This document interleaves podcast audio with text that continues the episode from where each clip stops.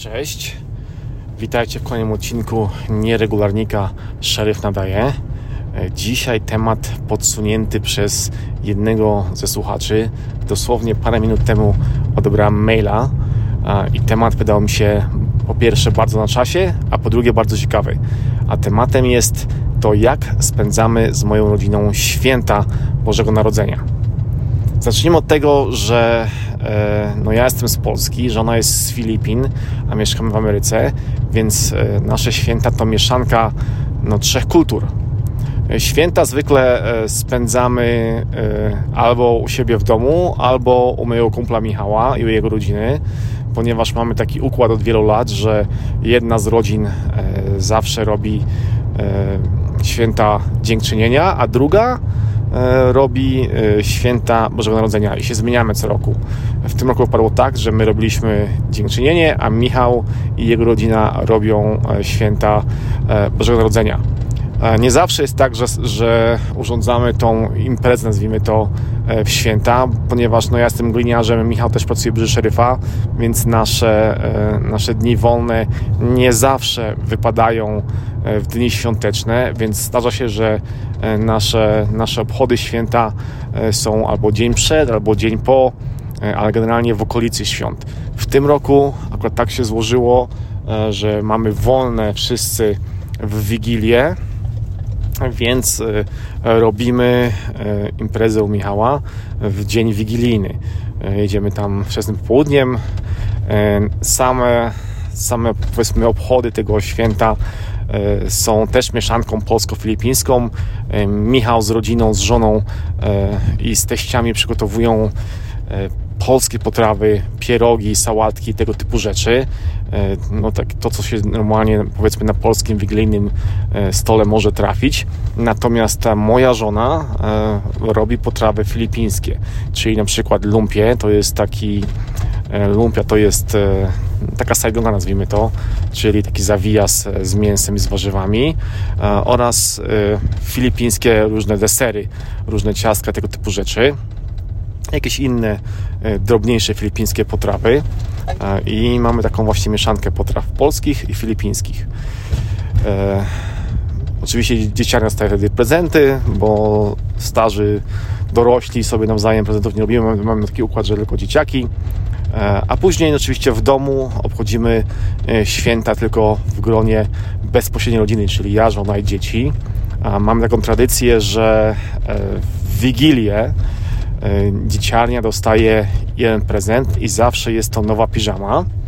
A w tej piżamie spędzają noc świąteczną i później rano, według amerykańskiego, amerykańskiej tradycji, otwierają prezenty 25 grudnia, e, bo Mikołaj przychodzi w nocy, zostawia je pod choinką i dzieciarnia rano e, otwiera prezenty.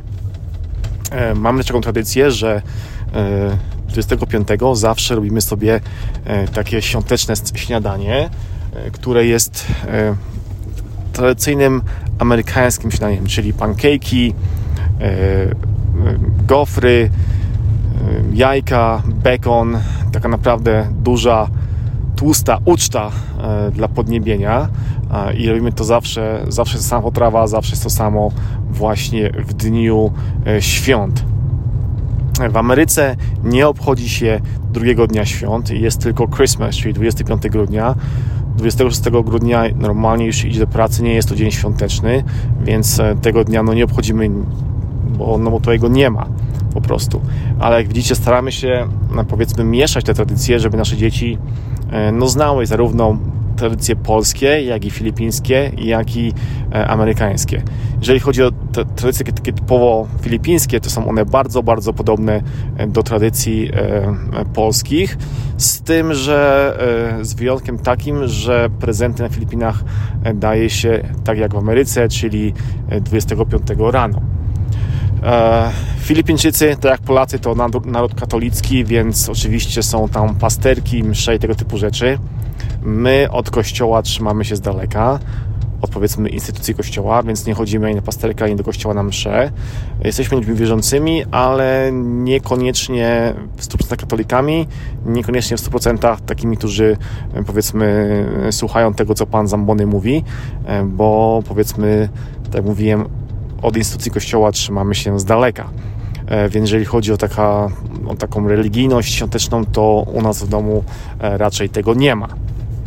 Choć dzieci mają tłumaczone już od początku, że mają wolny wybór, mogą sobie, wiedzą, znają powiedzmy religię i to będzie ich wybór, gdy dorosną, e, co chcą dalej robić e, w tym, w tym kierunku.